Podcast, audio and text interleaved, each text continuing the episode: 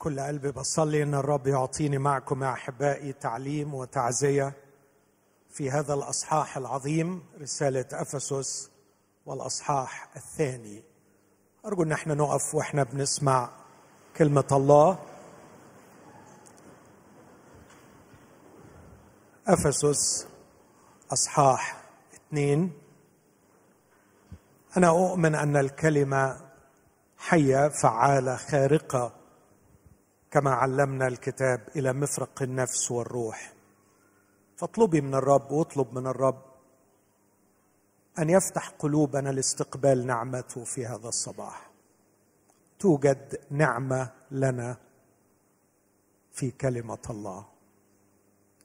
فصلي وانت بتسمع وقول له يا رب افتح قلبي لاستقبال كلامك لاستقبال نعمتك. وحاول تتأمل معي في كل كلمة بيقولها الروح القدس. هذه الأقوال كتبها بشر لكنها أقوال الروح القدس.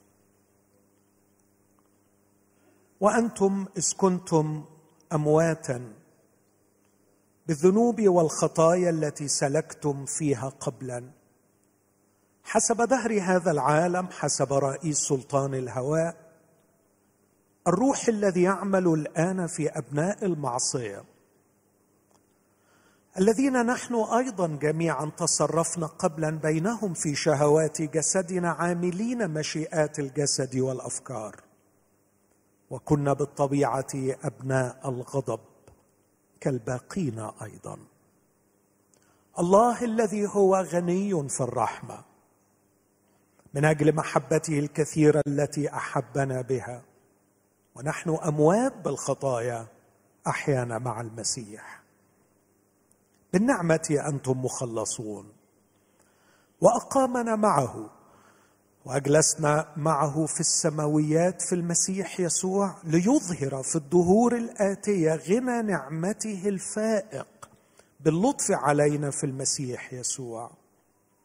لأنكم بالنعمة مخلصون بالإيمان وذلك ليس منكم هو عطية الله. ليس من أعمال كي لا يفتخر أحد. لأننا نحن عمله.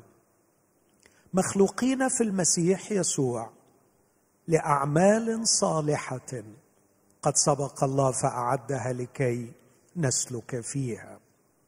لذلك أذكروا أنكم أنتم الأمم قبلا في الجسد المدعوين غرلة من المدعو ختانا مصنوعا باليد في الجسد. أنكم كنتم في ذلك الوقت بدون مسيح أجنبيين عن رعوية إسرائيل وغرباء عن عهود الموعد. لا رجاء لكم وبلا إله في العالم. ولكن الآن في المسيح يسوع. أنتم الذين كنتم قبلا بعيدين صرتم قريبين بدم المسيح. لأنه هو سلامنا. الذي جعل الاثنين واحدا ونقض حائط السياج المتوسط أي العداوة مبطلا بجسده ناموس الوصايا في فرائض لكي يخلق الاثنين في نفسه انسانا واحدا جديدا صانعا سلاما. ويصالح الاثنين في جسد واحد مع الله بالصليب قاتلا العداوة به. فجاء وبشركم بسلام. أنتم البعيدين والقريبين. لأن به لنا كلينا قدوما في روح واحد إلى الآب. فلستم اذا بعد غرباء ونزلا. بل رعيه مع القديسين وأهل بيت الله. مبنيين على أساس الرسل والأنبياء. ويسوع المسيح نفسه حجر الزاوية. الذي فيه كل البناء مركبا معا ينمو هيكلا مقدسا في الرب. الذي فيه أنتم أيضا مبنيون معا مسكنا لله في الروح. آمين. هذه هي كلمة الرب.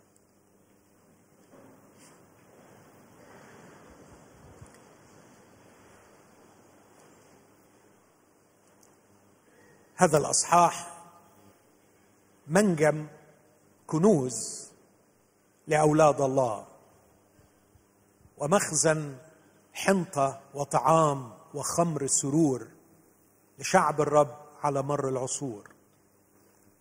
لم يستطع أحد أن يأخذ كل ما في هذا المنجم أو يفرغه.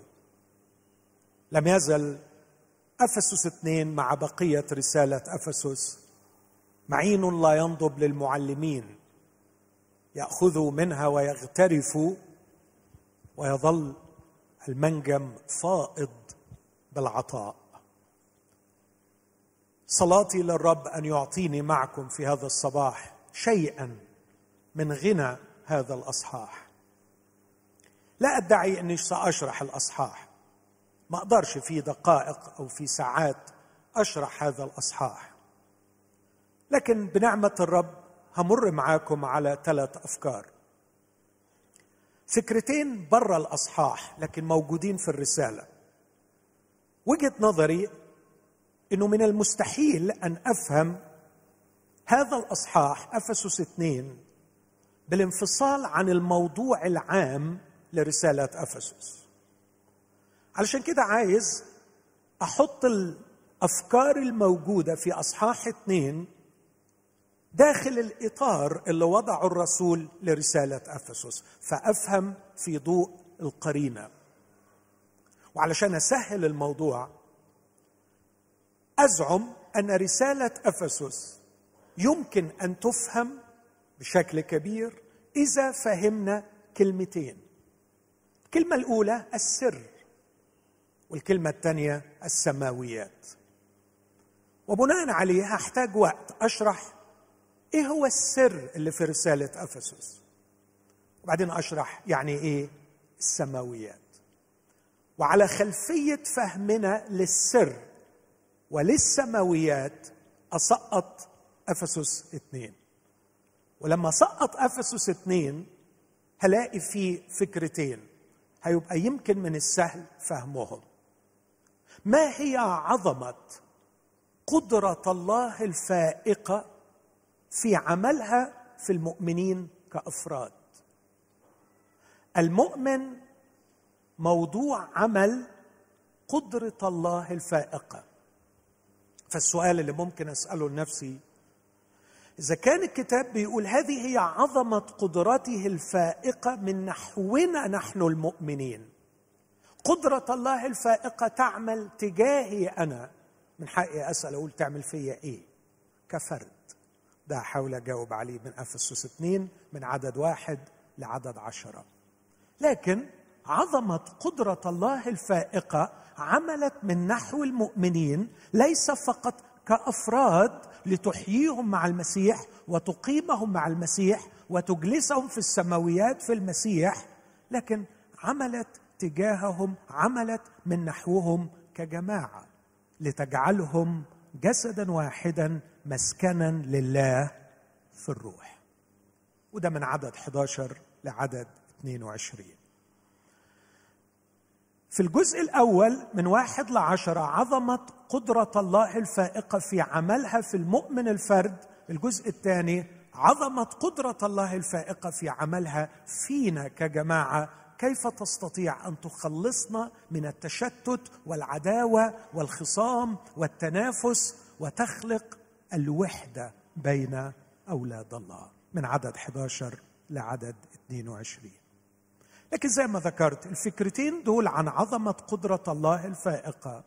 من المستحيل إنهم يتفهموا بوضوح إذا ما كناش نحطهم في الإطار العام للرسالة من خلال فهمنا لكلمتين السر وإيه تاني؟ والسماويات برافو.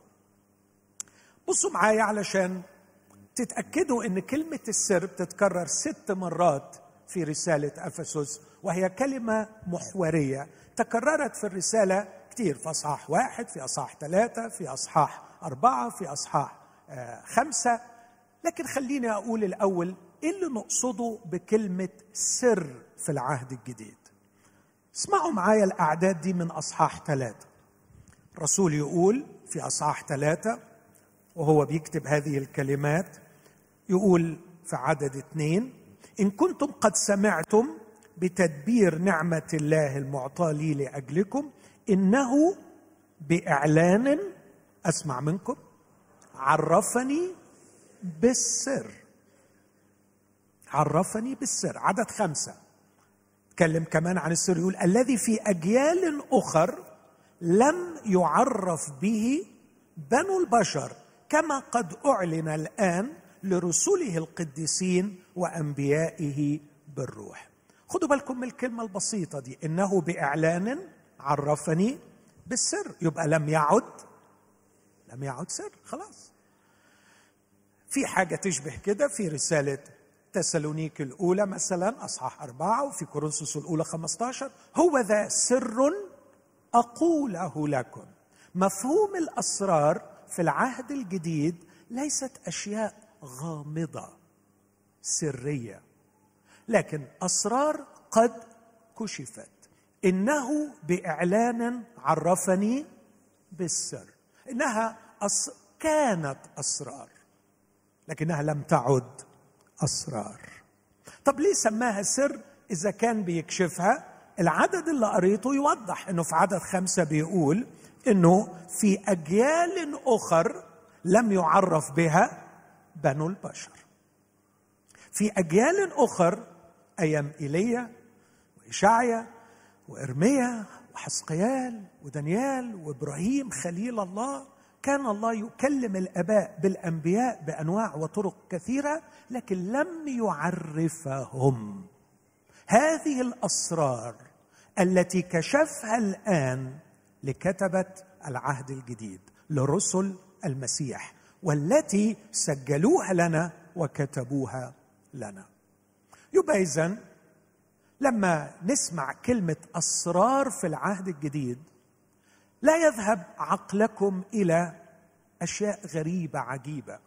لما يقول الرسول نحن وكلاء سرائر الله أي وكلنا من الله لنكشف لكنيسة الله هذه الأسرار الحقائق الروحية التي لم تعلن للبشر في العهد القديم. أوضح أكثر شوي. لو قريت العهد القديم من الجلدة للجلدة من التكوين لملاخي هتقرأ إيه؟ هتقرأ إيه؟ حاول تسترجع كده كل قراءاتك للعهد القديم وأنا متأكد إن إحنا قرينا العهد القديم كتير.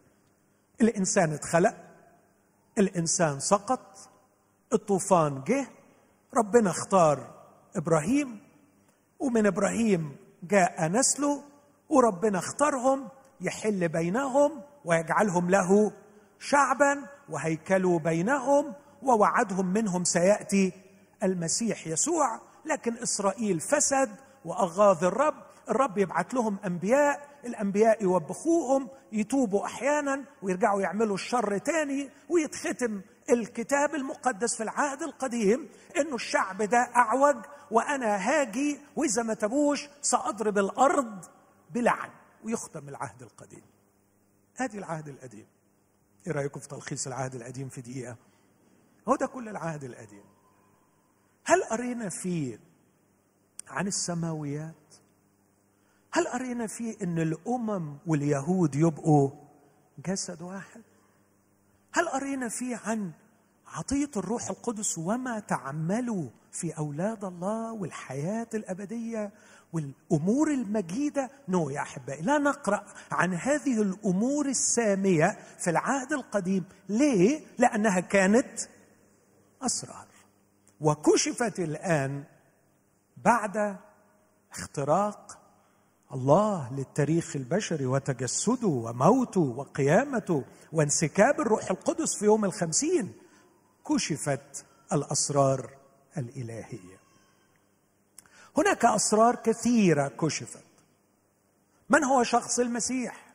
ده سر. بالإجماع عظيم هو سر التقوى. الله ظهر في الجسد.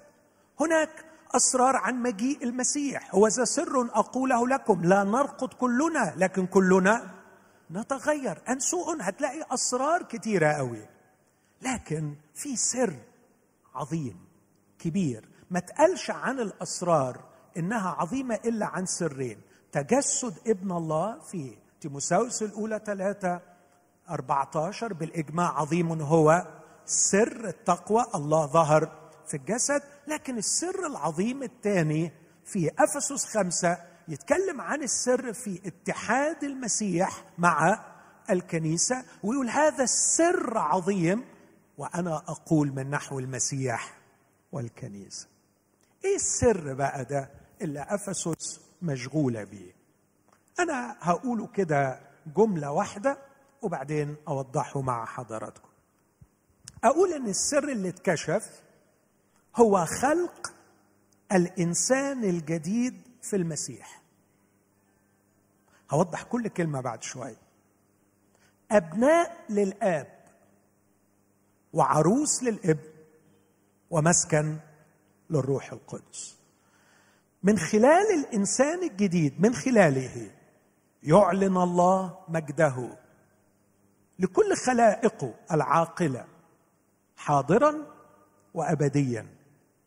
وبه بالإنسان الجديد. يدبر أحوال الخليقة كلها مستقبلا. فينشر الإنسان الجديد ينشر في كل الخليقة ثمر النور. كل صلاح وبر وحق. ويجعلها تقوم وتخلد بالحب. تعريف طويل لكن ما تقلقوش هناخده كلمة كلمة ونعدي عليه بسرعة. ومن خلال التعريف ده هنقدر نفهم أفسس اثنين بشكل أفضل. بقول اولا السر هو خلق الإنسان الجديد. هل أفسس اتكلمت عن خلق الإنسان الجديد؟ اتكلمت عنه مرتين. مرة في أصحاح أربعة ومرة في أصحاح اثنين. الأصحاح بتاعنا قرينا عن الإنسان الجديد. بص كده في نفس الأصحاح اللي قريناه لما بيتكلم إزاي جمع الاثنين مع بعض يقول في عدد 15 إنه نقد العداوة مبطلا بجسده ناموس الوصايا لكي يخلق الاثنين في نفسه انسانا واحدا إيه؟ إنسان جديد. ما تنسوش إنسان جديد. لكن بصوا كمان في أصحاح أربعة 24 أصحاح أربعة عدد 24 الكلام يمكن يوضح أكثر.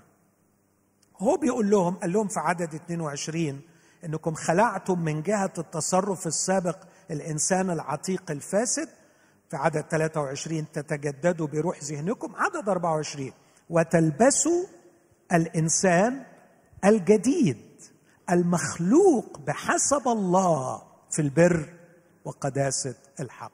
يبقى في صح 2 15 وفي 4 24 نقرأ إنه في سر اتكشف لنا إن الله بعد تجسد المسيح وقيامته وصعوده بيخلق النهارده إنسان جديد. ده ما قريناش عنه في العهد القديم خالص.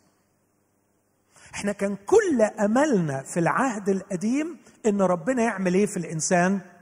يصلح حاله. يصلح أخلاقه. يحط له ناموس علشان يأدبه ويربيه. يعمل له شريعة يقول له تاكل إيه وتشرب إيه وتعبد إزاي؟ لعله يختشي على دمه ويبقى كويس. لكن على نهاية العهد القديم اكتشفنا إن النسخة القديمة من الإنسان فاسدة وأن الناموس والأنبياء لم يصلحوها. ونكتشف في العهد الجديد وأرجو إن كل شخص بيسمعني يركز في الكلام ده إن الله كان عنده مشروع خلق نسخة جديدة من الإنسان. نسخة جديدة. طبعة جديدة من الإنسان. الطبعة القديمة جات من آدم الأول. الطبعة الجديدة هتيجي من آدم الأخير اللي هو المسيح.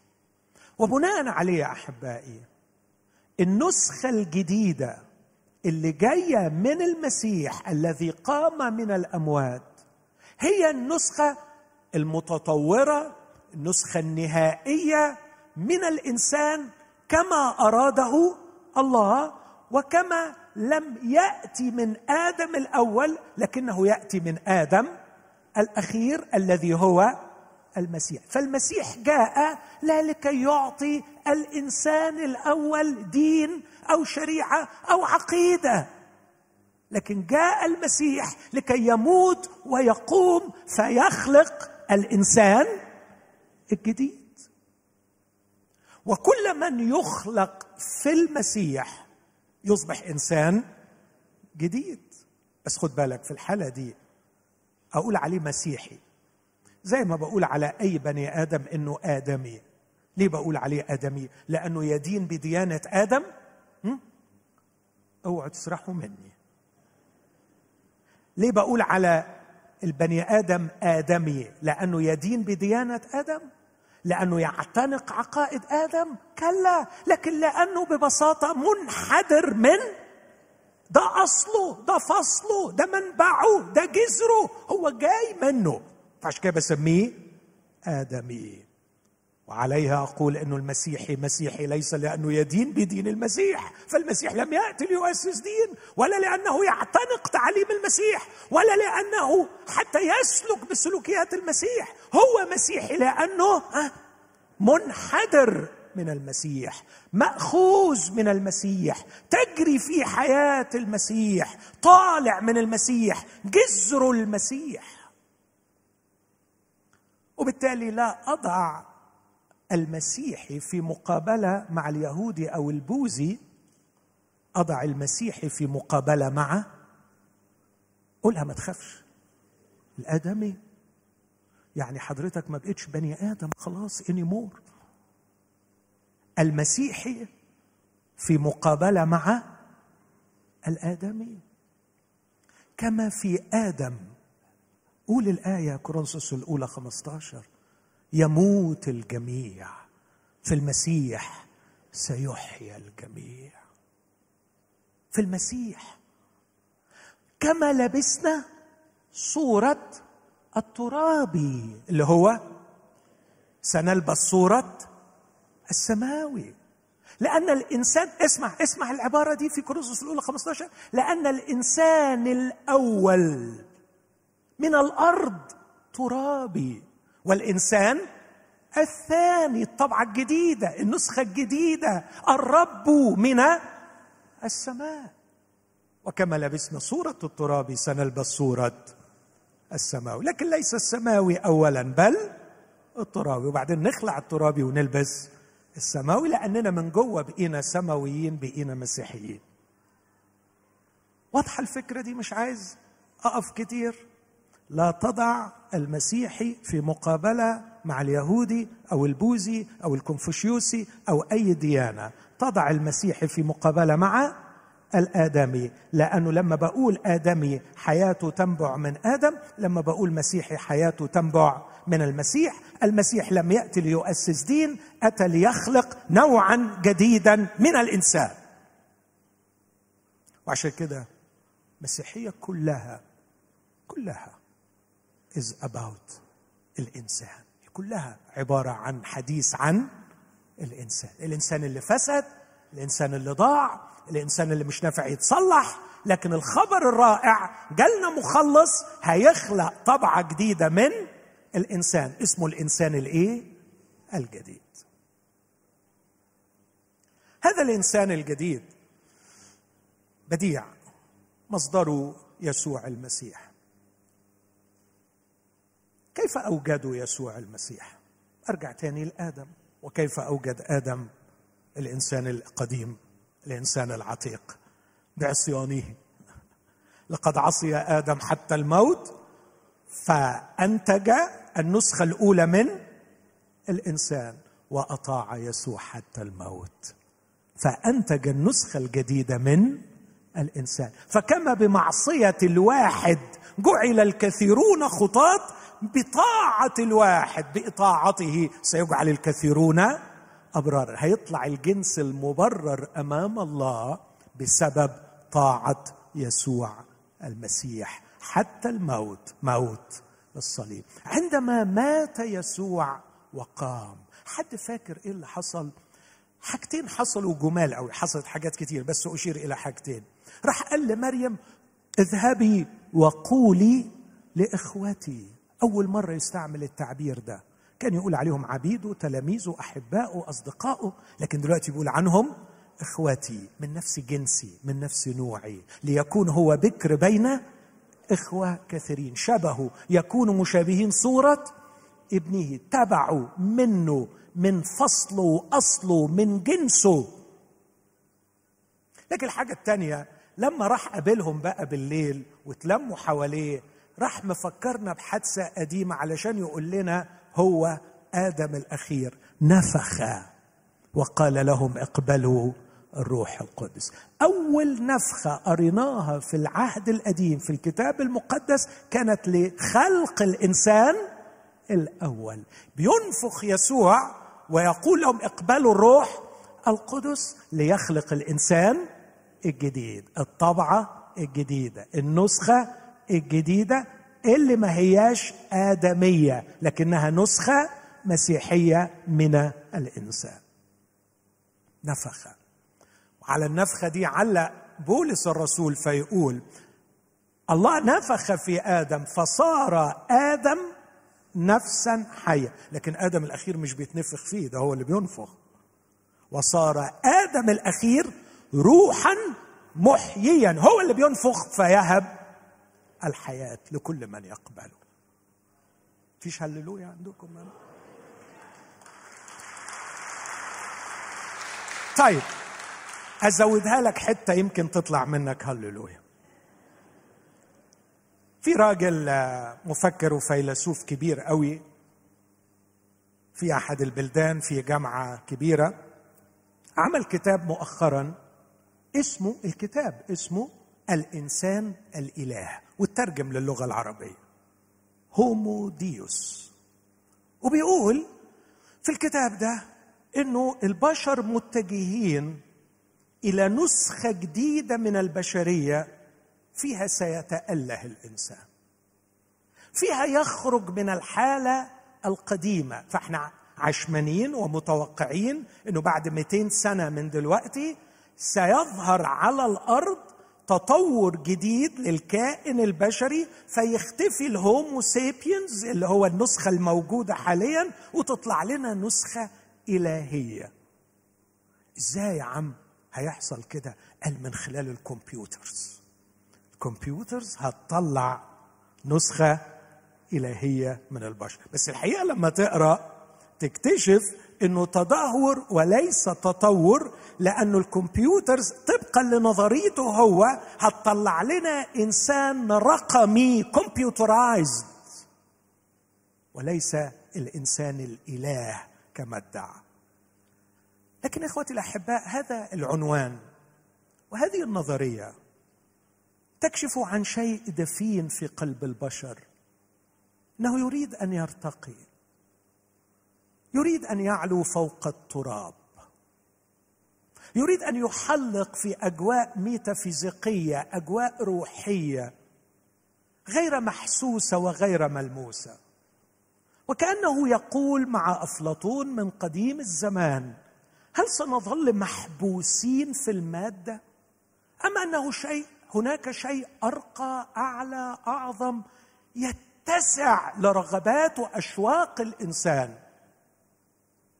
للأسف الشديد استغل هذه الرغبة المقدسة والمشروعة إبليس. وقال لهم على فكرة أنتوا لو استقليتوا عنه تكونان كالله وينتج الإنسان الإله. وتطلع النسخة دي. فيلا يا آدم كل علشان تبقى الهومو ديوس الإنسان الإله.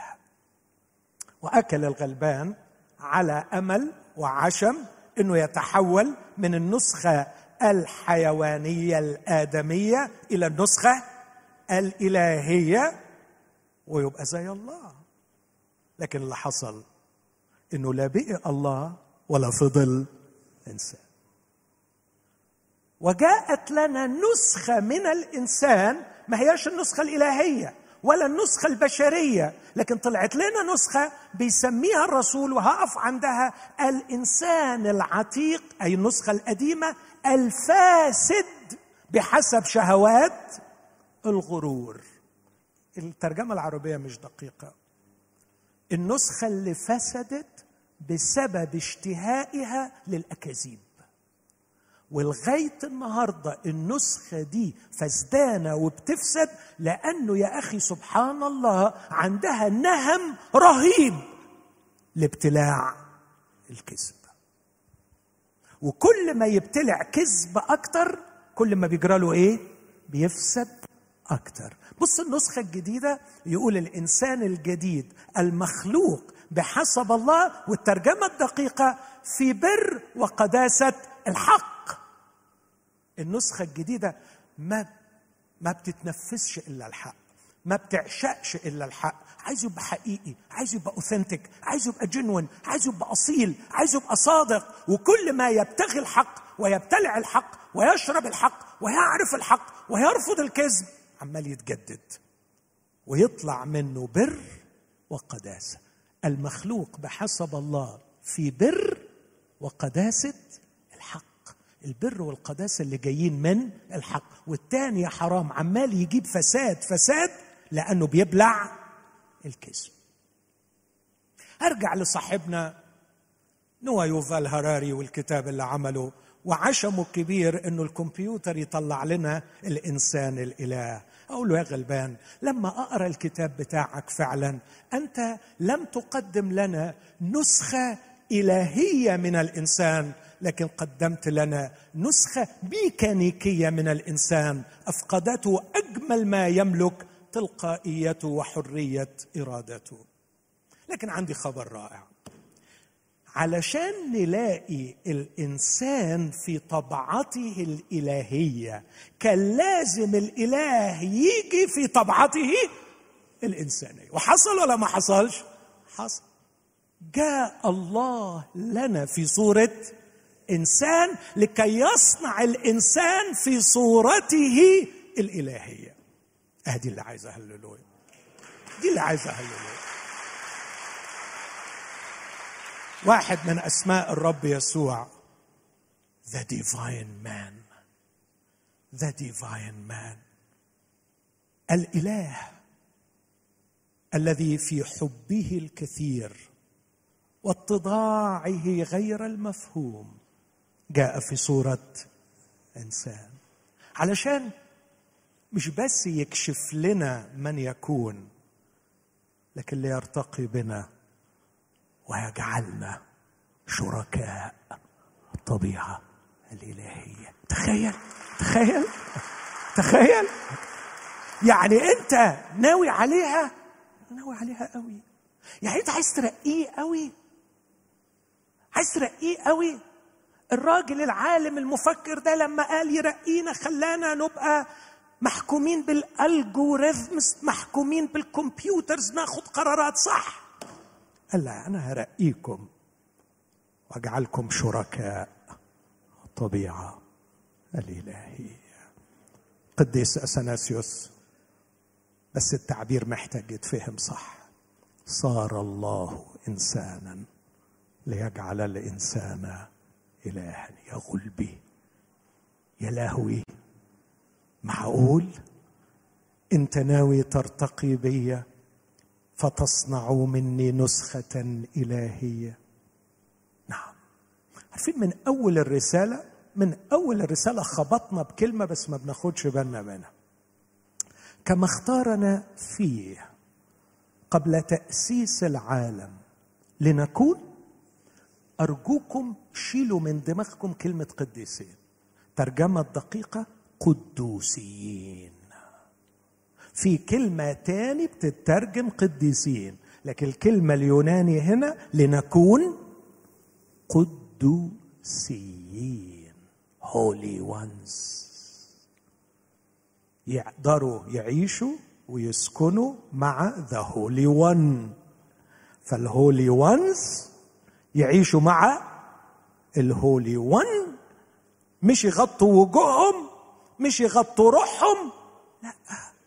لكن لنكون قدوسين وبلا لوم. إيه؟ قدامه. يا قدامه كده. ده السرافيم في محضره بتعمل إيه؟ تغطي وشها يعلنوا إنه قدوس. لكن ما يقدروش يقولوا إحنا قدوسين. لكن هي دي نعمته. أراد أن يصنع نسخة. هو ده السر. ده ده سر. ما كشفش. ولا كان حد يحلم به. لم يعرف به في أجيال أخر بنو البشر. ده كان حاجة غريبة. إحنا معقول معقول الإنسان يرتقي أيوه زي ما هو معقول الله يتنازل إذا مش قادر تصدق إن الله تنازل من المستحيل إنك تصدق إن الإنسان يتعالى. خلق الإنسان الجديد. أشرت في النص كده لحتة إنه الفارق بين الإنسان الجديد والإنسان العتيق إنه ده الوسيلة بتاعته اللي بتجيبه مش المصدر. المصدر العتيق جاي من مين؟ من آدم.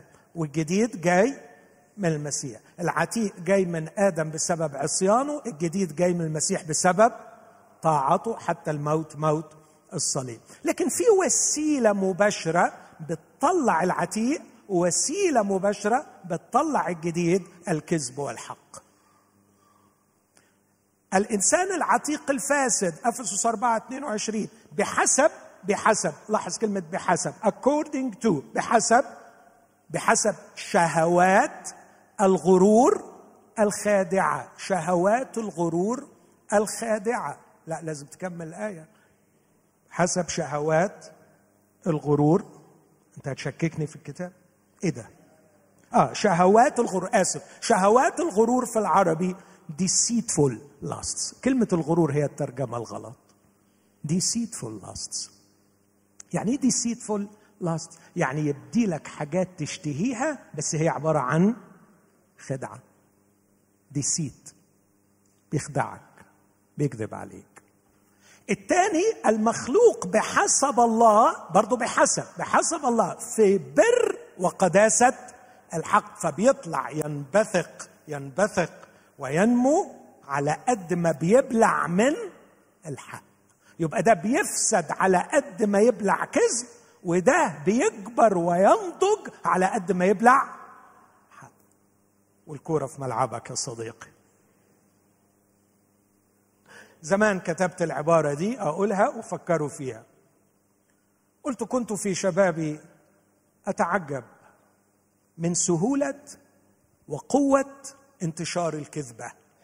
الكذبة. افتح قوس وحط أي كذبة. بسبب رؤيتي لضعف الكذبة وهشاشيتها. فالكذبة من وجهة نظري ضعيفة وهشة لكنها شغالة نار ومنتشر أي أي كذبة أي كذبة فعلا أي كذب في كذب كتير قوي في البلد في كذب كتير قوي في الإعلام في كذب كتير قوي على ال social media. بالكوم يا حبيبي. بس الغريبة إنه إيه؟ 5 millions مشاهدة. بيحصل ولا ما بيحصلش؟ إيه اللي بيحصل؟ إزاي إزاي الكذبة تنتشر وتؤثر بهذا بهذه القوة؟ فقلت كنت في حداثتي أتعجب. وأنا صغير من حجم وقوة انتشار الكذبة رغم ضعفها وهشاشيتها حتى مرت السنون وأدركت أن انتشار الكذبة لا يعتمد على قوتها لكن يعتمد على مساحة الزيف فينا. فكلما ازدادت مساحات الزيف فينا زادنا همنا لابتلاع الأكاذيب. الكذبة بتنتشر عشان البشر بيحبوا الكذب.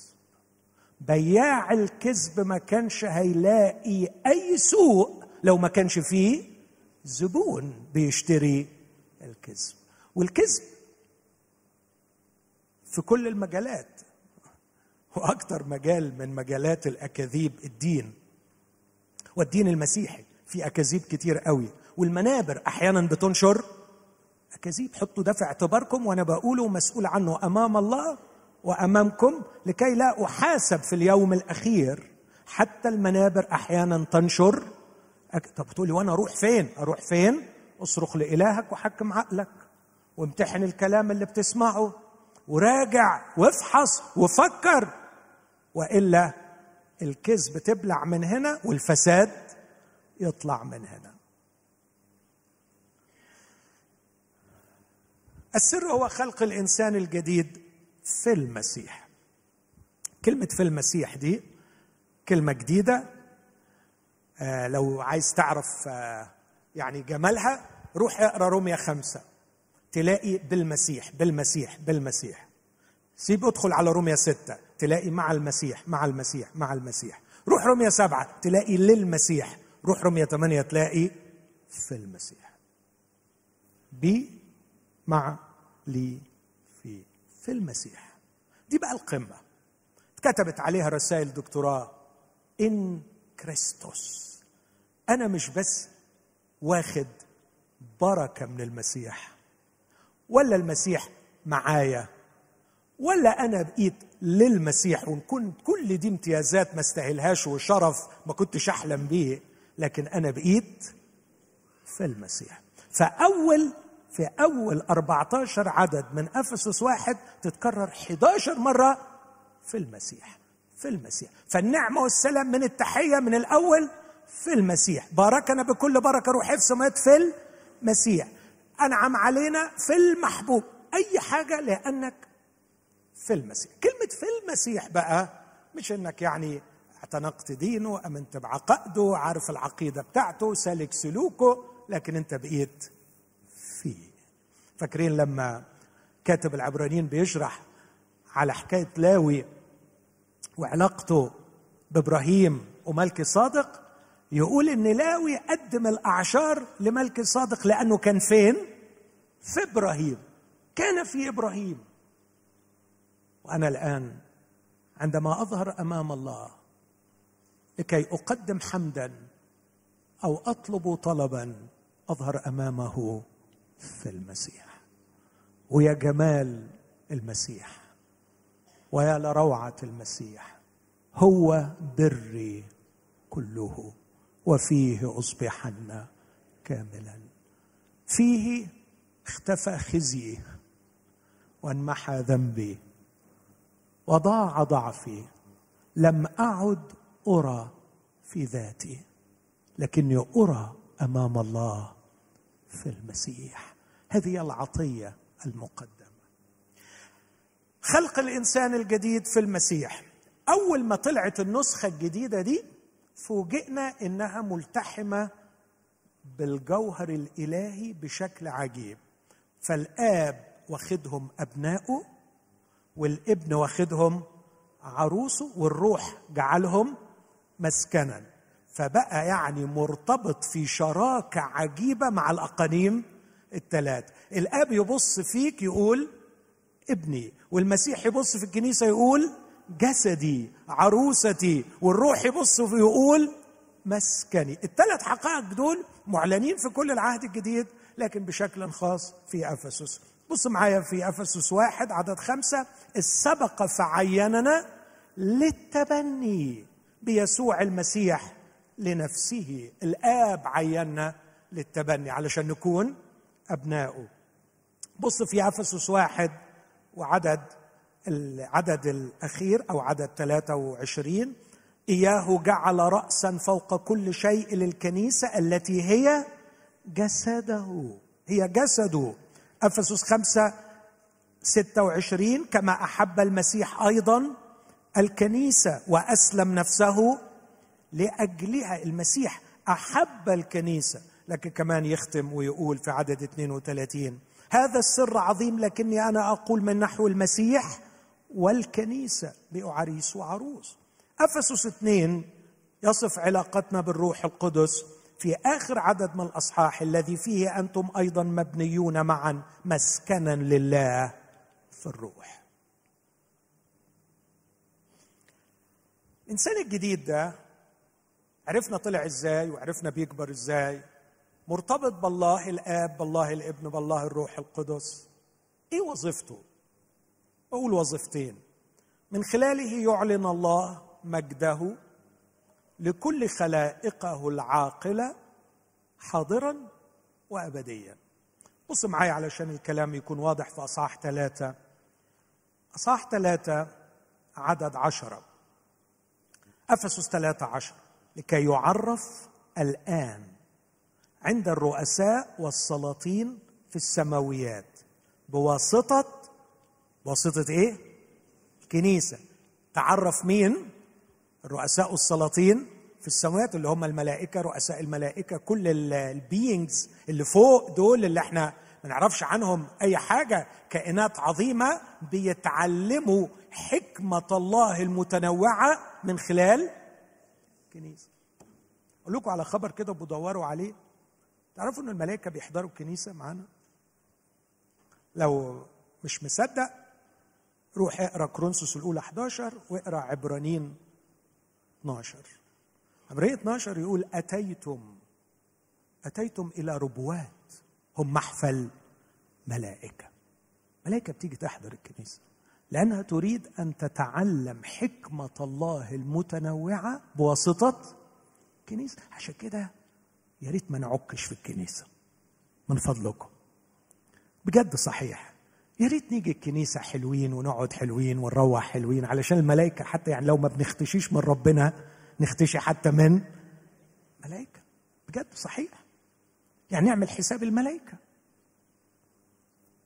بس يتهيألي أنا مش عارف اللي مش هيختشي من ربنا هيختشي من الملائكة مش عارف يعني بتساءل. لكن واضح أنه وظيفة الإنسان الجديد يظهر مجد الله ويكشف حكمة الله حتى للملائكة. لا بص نهاية الأصحاح دي العبارة الجوهرية العظيمة. يقول كده عدد 21 له المجد فين؟ له المجد فين؟ أفسس 3 21 في الكنيسة في المسيح يسوع إلى جميع أجيال دهر الدهور. الله اختار أن يكون محله المختار وعنوانه الدائم ومقره الأبدي هو الكنيسة ليعلن من خلالها مجده. في فترة وجود الرب يسوع على الأرض 33 سنة حل في كل ملء اللاهوت ورأينا مجده مجدا. طلع الرب يسوع للسماء قرر الله أن يكون محله المختار لكشف مجده لكل الخلائق. ليس يسوع وحده لكن يسوع والكنيسة. تخيلوا؟ يسوع وعيلته. فيه سر أن يحل كل ملء اللاهوت جسديا ويسوع يرتبط بجسده وبكنيسته والمجد الإلهي يكشف ويشفي ويعزي ويعلم ويغير ويبارك من خلال كنيسه أدي وظيفة الإنسان الجديد. لكن مش بس يكشف المجد يريفيل من هو الله يعلن من هو الله لكن كمان يدير أحوال الخليقة كلها في المستقبل.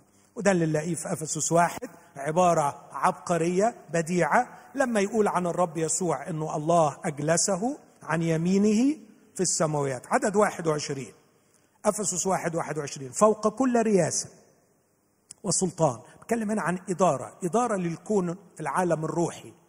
رياسة وسيادة وقوة رياسة وسلطان وقوة وسيادة وكل اسم يسمى ليس في هذا الظهر فقط بل في المستقبل أيضا وأخضع كل شيء تحت قدميه وإياه جعل راسا فوق كل شيء للكنيسة وبعدين يوصف الكنيسة يقول التي هي جسده ملء الذي يملأ الكل في الكل يعني المسيح لن يملأ الكل في الكل إلا من خلال جسده لأن هي ملء الذي يملأ الكل في الكل. فيملا الكل في الكل يعني يسود على كل شيء. يسود على كل شيء من خلال الطبعة الجديدة النسخة الجديدة من الإنسان. هذا هو السر يا أحبائي. هذا ما لم يعرف به بنو البشر. كان أقصى أمانينا هو العهد الجديد أن تغفر خطايانا. وإنه آه، نسيب الحتة الوحشة ونروح الحتة الحلوة. إنه ما نروحش النار. إنه ربنا يرضى علينا ويكتر في رزقنا. بس عمرنا ما فكرنا إن ربنا ناوي على خلق نسخة جديدة. بس للأسف اتساقا مع نظم السوق واحتياج العملاء وما يطلبه الزبائن والزبون دائما على حق. صنعنا نسخة حقيرة من المسيحية ترضي أذواق البشر. نسخة تجاريه رائجة لا أنكر. شغالة نار. بياعينها كتار وزباينها أكتر. نسخة من المسيحية بتقول تعالى أوديك السماء. والاختلاف على السعر. هتروح بالإيمان ولا هتروح بالأعمال؟ هتروح عن طريق موت المسيح ولا أنت تعمل حاجة؟ فالاختلاف كله على السعر.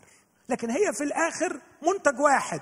تعالى نضمن لك النجاة من النار ونوديك السماء.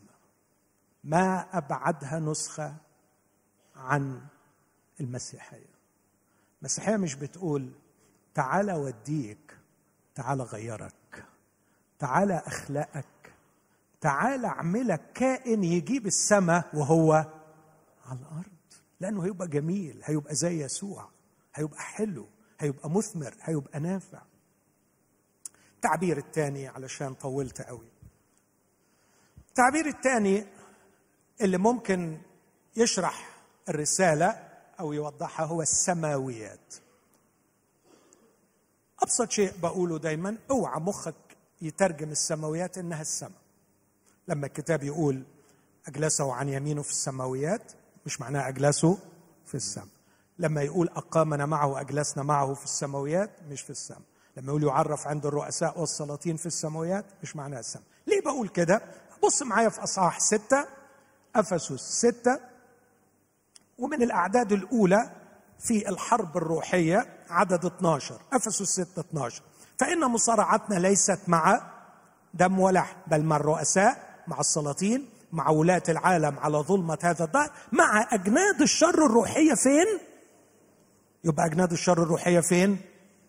تخيل بقى لو أنت شلت السماويات وخليتها السماء يبقى أجناد الشر الروحية قاعدين لنا فين؟ تخيل المصيبة يعني نسيبهم هنا نروح نلاقيهم هناك يعني بصراحة ملهاش لازمة فإذا السماويات ما هياش السماء أمال إيه السماويات؟ السماويات دائرة وجود روحي صعبة؟ يعني إن شاء الله تبقى سهل دايرة وجود روحي. عشان أوضحها وأسهلها حضرتك وأنت قاعد دلوقتي أنت قاعد في دايرة وجود مادي اللي هو البنك في ثلاثة شارع الشيخ ريحان في كنيسة قصر الدبارة قاعد بجسمك في هذا المكان.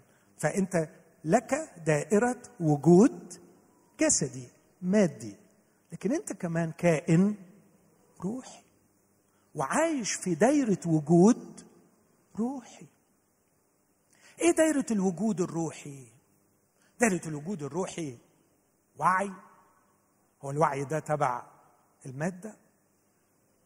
أحلام. تخيل. أفكار. أشواق. عطش. أشياء روحية. دايرة وجود روحي.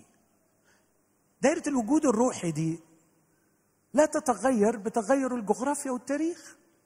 ده انت ممكن تبقى وانت قاعد هنا عايش في دايرة الوجود الروحي بغض النظر غيرنا مكانك أو ما غيرناهوش. انت موجود في دايرة وجود روحي. الحقيقة دي هقولها إذا مشت معاك مشت ما مشيتش كأنك ما سمعتش. إحنا كبشر كائنات مصممة أن نكون في دائرة وجود روحي أكثر ما إحنا مصممين للوجود في هذا العالم الجغرافي. ودي دليل واحد مش بقول إن إحنا مش مصممين نتوجد في الأرض.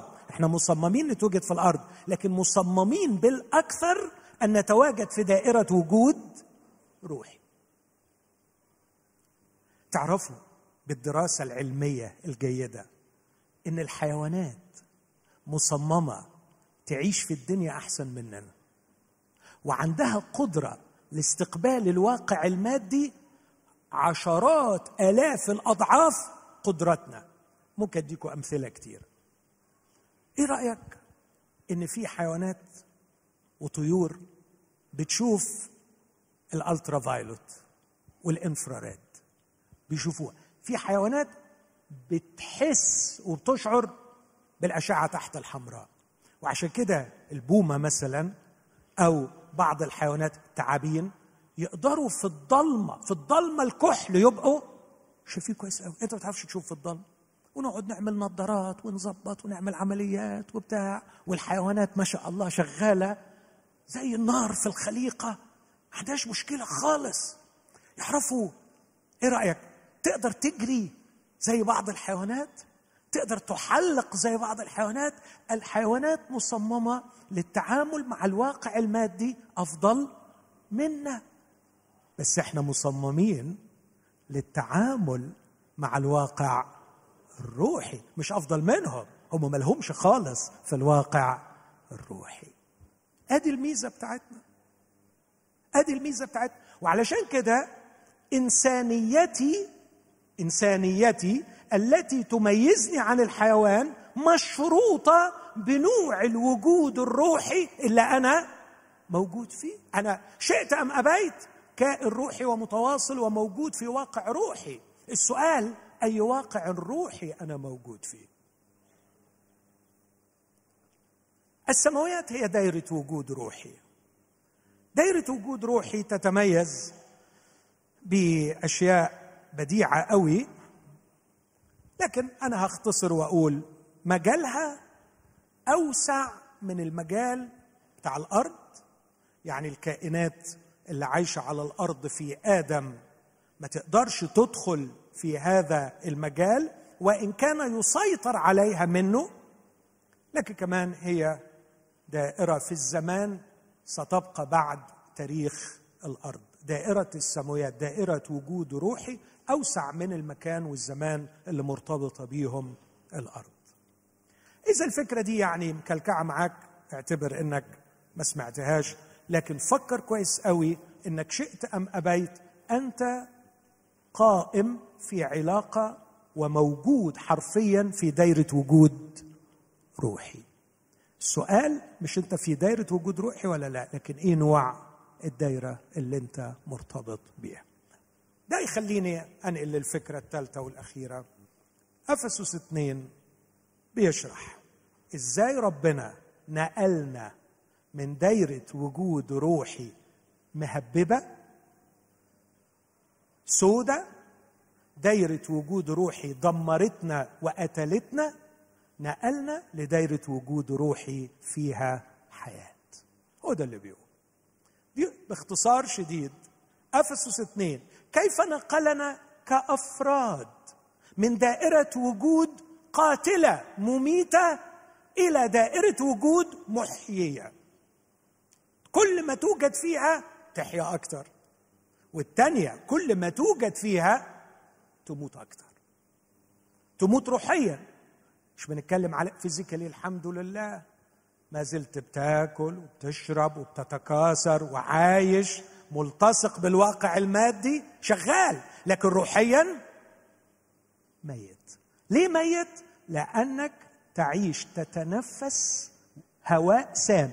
تتنفس وجود روحي خانق قاتل للحياة الإنسانية مش للحياة الحيوانية. يعني لما تتوجد تعيش في دايرة الوجود الشريرة دي اللي هوصفها لك دلوقتي مش هتبطل تخلف مش هتقطع الخلف. هتبطل تخلف هتفضل تخلف زيك بالظبط وتجيب منك ومش هتبطل تاكل هتاكل وتشرب. لكن روحيا أنت ميت. ميت. بص كده علشان نفهم الكلام ده. الرسول قال أنا بصلي لكم. علشان تعرفوا ثلاث حاجات في اصح واحد وأعتقد إن ده كان فيها على الأقل لازم يكون في تأمل فيها حصل. أنا بصلي لكم علشان تعلموا ما هو رجاء. دعوته ما هو غنى مجد ميراثه في القديسين. وبعدين قال وما هي عظمة قدرته الفائقة من نحونا نحن المؤمنين. عايز أقول لكم القدرة الفائقة اللي عرفت تنقلكم من دايرة الوجود المهبب ده المميتة إلى دايرة وجود محيية. عظمة القدرة اللي عرفت تنقلكم.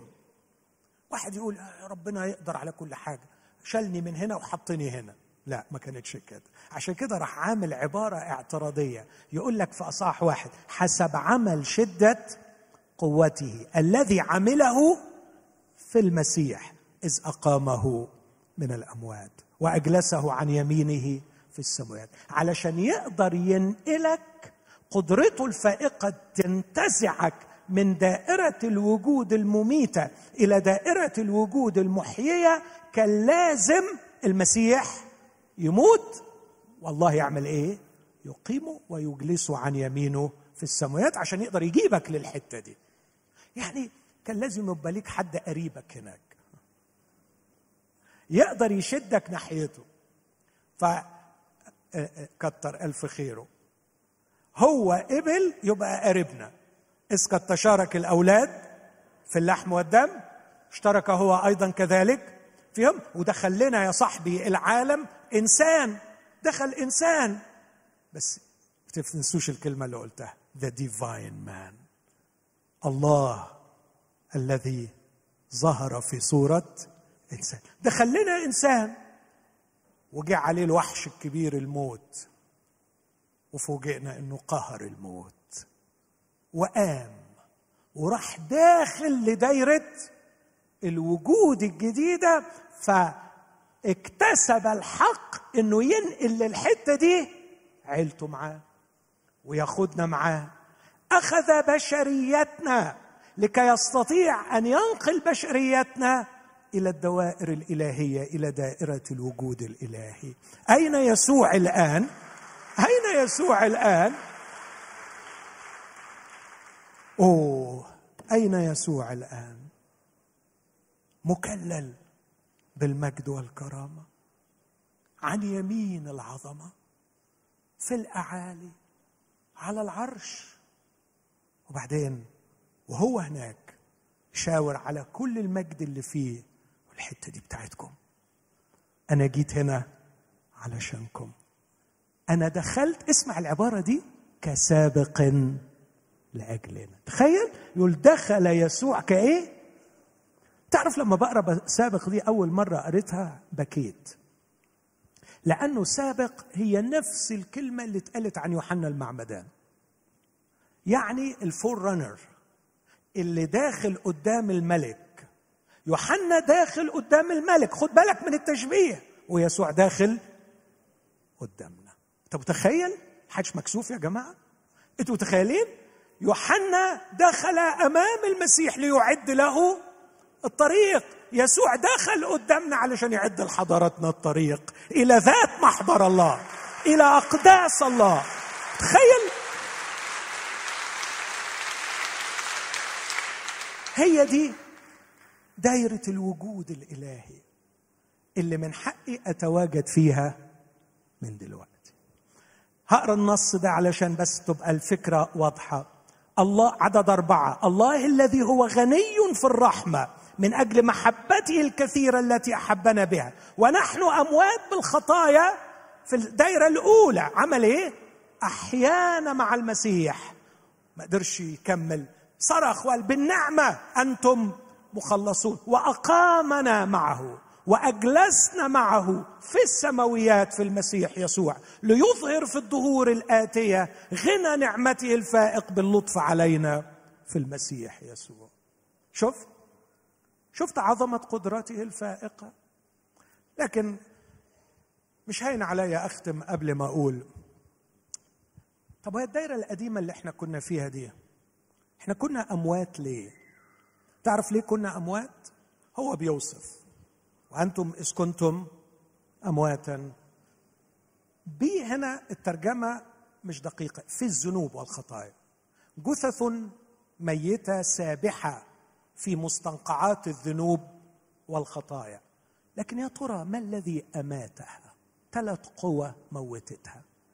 القوة الأولى يقول التي سلكتم فيها قبلا حسب دهر هذا العالم. إيه دهر هذا العالم؟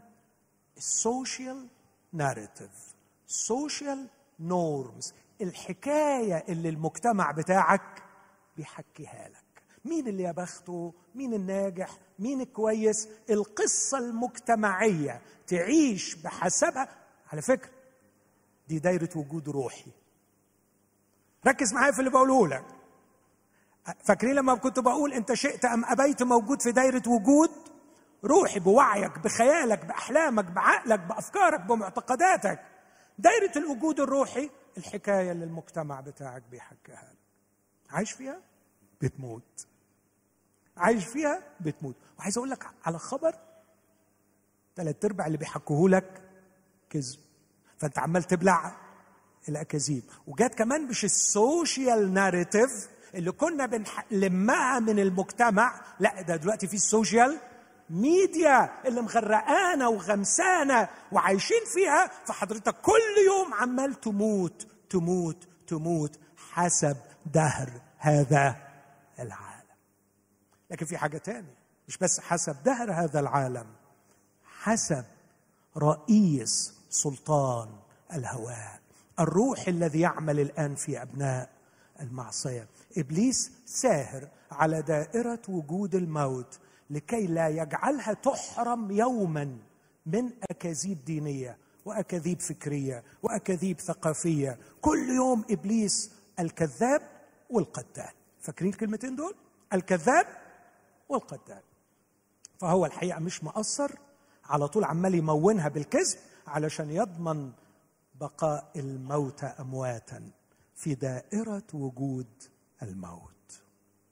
لكن الحاجة الثالثه عاملين مشيئات الجسد والأفكار الرغبات الجسدانية الحيوانية. عندما أستطلع حال العالم من حولي أرى البشر ضحايا القصة المجتمعية إما متحيونين أو متشيطنين. إما متحيونين أو متشيطنين. والصرخ في أعمق أعماقي من يعيد إليهم إنسانيتهم. والجواب الذي يصرخ في أعماقي أيضا لا يوجد مخلص إلا يسوع المسيح. ليس بأحد غيره الخلاص. يسوع المسيح لم يأتي لكي يعطي دينا أو عقيدة. يسوع المسيح لم يأتي لكي يملك ويحكم على البشر ويقيم ملك على الأرض بشري. يسوع المسيح جاء لكي يخلص الإنسان من موته ويعطيه الحياة ويحرره من دائره عبودية موت. فيكف عن الحيونه ويكف عن الشيطنه وهو الذي قال تعرفون الحق والحق يحرركم. إن حرركم الإبن. فبالحقيقة تصيرون أحرار. هو ده عمل يسوع المسيح. جاء ومات وقام وصعد لكي ينقذ الإنسان من الحيونه ومن الشيطنة ويرد لي إنسانيته. ليتنا نكرز بهذا الإنجيل يا أحبائي. ونكف عن الكرازة بتخويف الناس. وإنجيل بس عمال يقول له تعالى اعمل وسوي عشان ما تروحش النار وأوديك السما الحتة الحلوة. صدقني أنت لو رحت السما زي ما أنت كده هتنكدها علينا ويبقى قلتها أحسن. يعني لما تروح السما بحسدك وغيرتك ومنافستك وكل ال ال ال الهباب اللي طالع مننا هنروح هنقلبها إيه هناك؟ لا. هو يخليني زي يسوع من هنا علشان ينفع أكون معاه. هذه هي الثلاثة قوى التي تتحكم في دائرة وجود الموت. طيب لما بينقلني منها بيعمل فيا ثلاث حاجات. اسمعني في العبارات اللي جاية في أفسس اثنين. يقول عنه أحياكم مع المسيح. أحياكم مع المسيح. أول حاجة دائرة الوجود أنتقل إليها بالتوحد مع المسيح. حييت مع المسيح وبقيت في المسيح. أحيانا مع المسيح بالنعمة أنتم مخلصون أقامنا معه أجلسنا معه في السماويات في المسيح بقيت في المسيح. الأمر الثاني اللي يقوله طبعا يقول ليس من أعمال كي لا يفتخر. هتعمل إيه؟ تعمل إيه علشان تنقل روحك الحته دي؟ يعني يعني بالظبط كده تعمل إيه علشان تطير وتروح القمر يعني؟ تعمل إيه؟ أنت أنت تطير يعني. ما دي حاجة لازم حد يعملها لك لازم حد يصمم مركبة فضائية وياخدك وينقلك لكن أنت بالطبيعة ما تقدرش. يسوع عمل الحكاية دي. وحدنا بيه بس طب وهو يقدر يطير لوحده؟ هو دخل يا حبيبي دخل لوحده. أول ما ترتفع أيتها الأبواب الدهريات فيدخل. مين هو ملك المجد؟ يسوع هو ملك المجد. دخل. بس قال لك أنا داخل. وكأنه بيقول لهم أنا مش جاي لوحدي. أنا جاي وجايب عيلتي معايا. فندخل. معه. فهو أحيانا مع المسيح أقامنا مع المسيح أجلسنا فيه في السماوات لكن في أمرين مهمين قوي. لغاية ما ننتقل انتقالا ماديا فيزيكالي جغرافيا إلى مكان آخر بيحصل الآتي. يقول لأننا نحن عمله. قاعد يشتغل فينا. يخلق اسمعني وجود نابع من كينونة. يعني قبل ما يعمل بيك يعمل فيك أو عايز الدقة يعملك فتعمل. يعملك فتعمل ويا حلاوة العمل اللي طالع منك بعد ما يعمل. يا جمال العمل يا حلاوه العمل لأنها واضح هتبقى فيها صنعته فيها ريحته فيها إيده. لأننا نحن عمله تحفته اللي شغال يجمل ويعمل فتفرز هي لوحدها. الأمر الثالث والأخير مخلوقين في المسيح يسوع لأعمال صالحة قد سبق الله فأعدها لكي نسلك فيها. يجعلنا نعمل عملا صالحا. ننشر الخير ويقطف من ثمرنا كل البشر. الوجود في دايرة الحياة يتميز بحاجتين. أنت عمال تتعمل وأنت عمال تعمل عملا صالحا. بحب أقولهم دايما بالإنجليزية to be beautiful and fruitful. لو عايز تقول هو أنا في المسيح أعرف إزاي إن أنا في المسيح؟ يوم بعد يوم بتبقى أحلى من جوه. لأنه هو لأننا نحن فكرك يعني هو يقعد يشتغل ويعمل وأفضل بقبحي لا اصير أكثر شبها بكامل الجمال. بمشتهى كل عقل بجامع كل الفضائل. يسوع ابن الحبيب يقول عنه الذي به سررت. لكن كمان الناس تأكل من خيرك. يبقى ليك ثمر. مخلوقين لأعمال. عمال تطلع أعمال صالحة. ما تقوليش إن أنت في المسيح وفي دايرة وجود حلوة دايرة الحياة. وبعدين أسألك مين بيقطف منك وياكل؟ محدش. بصراحة كل اللي بيقرب بيتشوك أو بيتأذي. مين بيقعد في ظلك ويرتاح؟ يا عم أنا فاضي. أنا بدور على حد أكل منه وبدور على حد أرتاح في ظله. أنا عايز عريس وأنا عايز شغل وأنا عايز حل لمشكلتي لكن من انتقلوا إلى هذه الدائرة يوما وراء الآخر يصيرون أكثر جمالا وأكثر اثمارا. وبعدين الرسول يختم الأصحاح بأنهم مع بعض مع بعض. عمل عجيب عمله المسيح. عندما خلق الإنسان الجديد لا بقي فيه يهودي ولا بقي فيه أممي. ما فيش غريب ما فيش أجنبي. لكن رعيه مع نقول العبارة دي مع بعض. رعيه مع القديسين وأهل بيت الله. هات لنا الآية دي من فضلك حبيبي. أنتم لستم بعد غرباء ونزلا لكن خلاص انتهت حالة الغربة. عدد 19 رعية مواطنين. كلمة رعية يعني مواطنين co-citizens إحنا عندنا الجنسية السماوية. لكن مع إنه مواطنين دي حلوة اللي بعديها أجمل. وأهل وأهل بيت الله. أهل بيت الله. يعني إيه أهل بيت الله؟ ما تفهمهاش بالطريقة بتاعت ده بيت الله وإحنا أهل بيت الله. فهمها بالمفهوم الصعيدي. في البيت في الصعيد نقول بيت فلان. يعني إيه بيت فلان؟ عيلة فلان. لما نقول أهل بيت الله يعني عيلة الله. تخيل؟ مواطنين سماويين وعائلة الله. هذا هو السر يا أحبائي وهذا ما فعلته فينا عظمة قدرته الفائقة. تحبوا تقوموا نشكره ونسبحه ونقدم له الحمد ونطلب منه إنه يخلينا نعيش ونستنير ونختبر. على فكرة الحقائق دي الرسول قبل ما يعلنها صلى وقال أنا عايز الروح القدس يفتح عيونكم مستنير عيون آذانكم عشان تقدروا تستوعبوا. وبعد ما كتبها في اصحاح ثلاثة ختم بأنه حنى ركبتيه وصلى علشان يختبروها. فهم مرحلتين تستنير فتفهم ثم تصلي لكي تختبر. أمين؟ ارفع قلبك معايا للرب وإحنا بنختم وقول له اديني استنارة فأعرف من أنا فيك. واديني اختبار. فأراني قد انتقلت من الموت إلى الحياة. من دائرة وجود قاتلة مميتة أعيش فيها ألتهم الأكاذيب. إلى دائرة الحياة أحيا بالحق والحق يخلق في كل يوم البر والقداسة. أعيش في ظل حبيبي يسوع أعيش أمام عرشه جميلا ومثمرا. أختبر عمل الله في يجملني وأختبر عمل الله بي يثمر من خلالي صلاحا للبشر.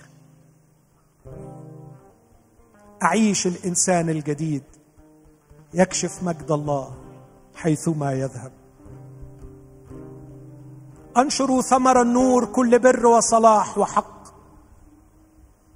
اعيش في دفء محبة فائقة المعرفة. وإن فقدت كل حبيب وإن لم يعد لي عنوان على الأرض أنت عنواني وأنت حضني وأنت مقري. وفي محبتك الفائقة المعرفة أجد غذاء روحي وشبعي. فيك أصبح نضرا مثمرا وبدونك أنا شجره ذابله ميته ما أعظم ما صنعته من أجلي ما أرقى ما صنعته من أجلي. وما أغباني عندما أبحث عن الفتات وأعيش فقيرا ذليلا. وأنت تريدني أن أحيا في السماويات. اسقط القشور من عيني وأزل الغباوة من على ذهني وافتح عيون قلبي وأنرني. بنورك أرى نورا. اجعلني أبصر يا سيدي. اجعلني أبصر مجدك في قدسك وأعرف كم أحببتني وكم قصدت لي وماذا تستطيع أن تفعل في وبي.